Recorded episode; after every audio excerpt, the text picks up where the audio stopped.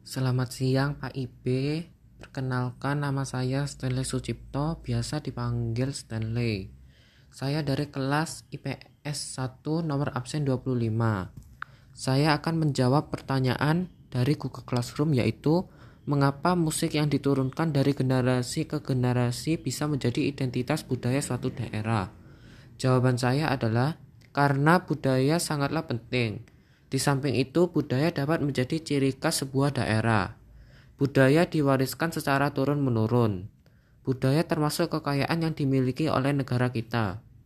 Tanpa budaya-budaya itu, tak ada ke kebudayaan nasional. Kesimpulannya adalah kebudayaan merupakan identitas dari suatu bangsa. Terima kasih.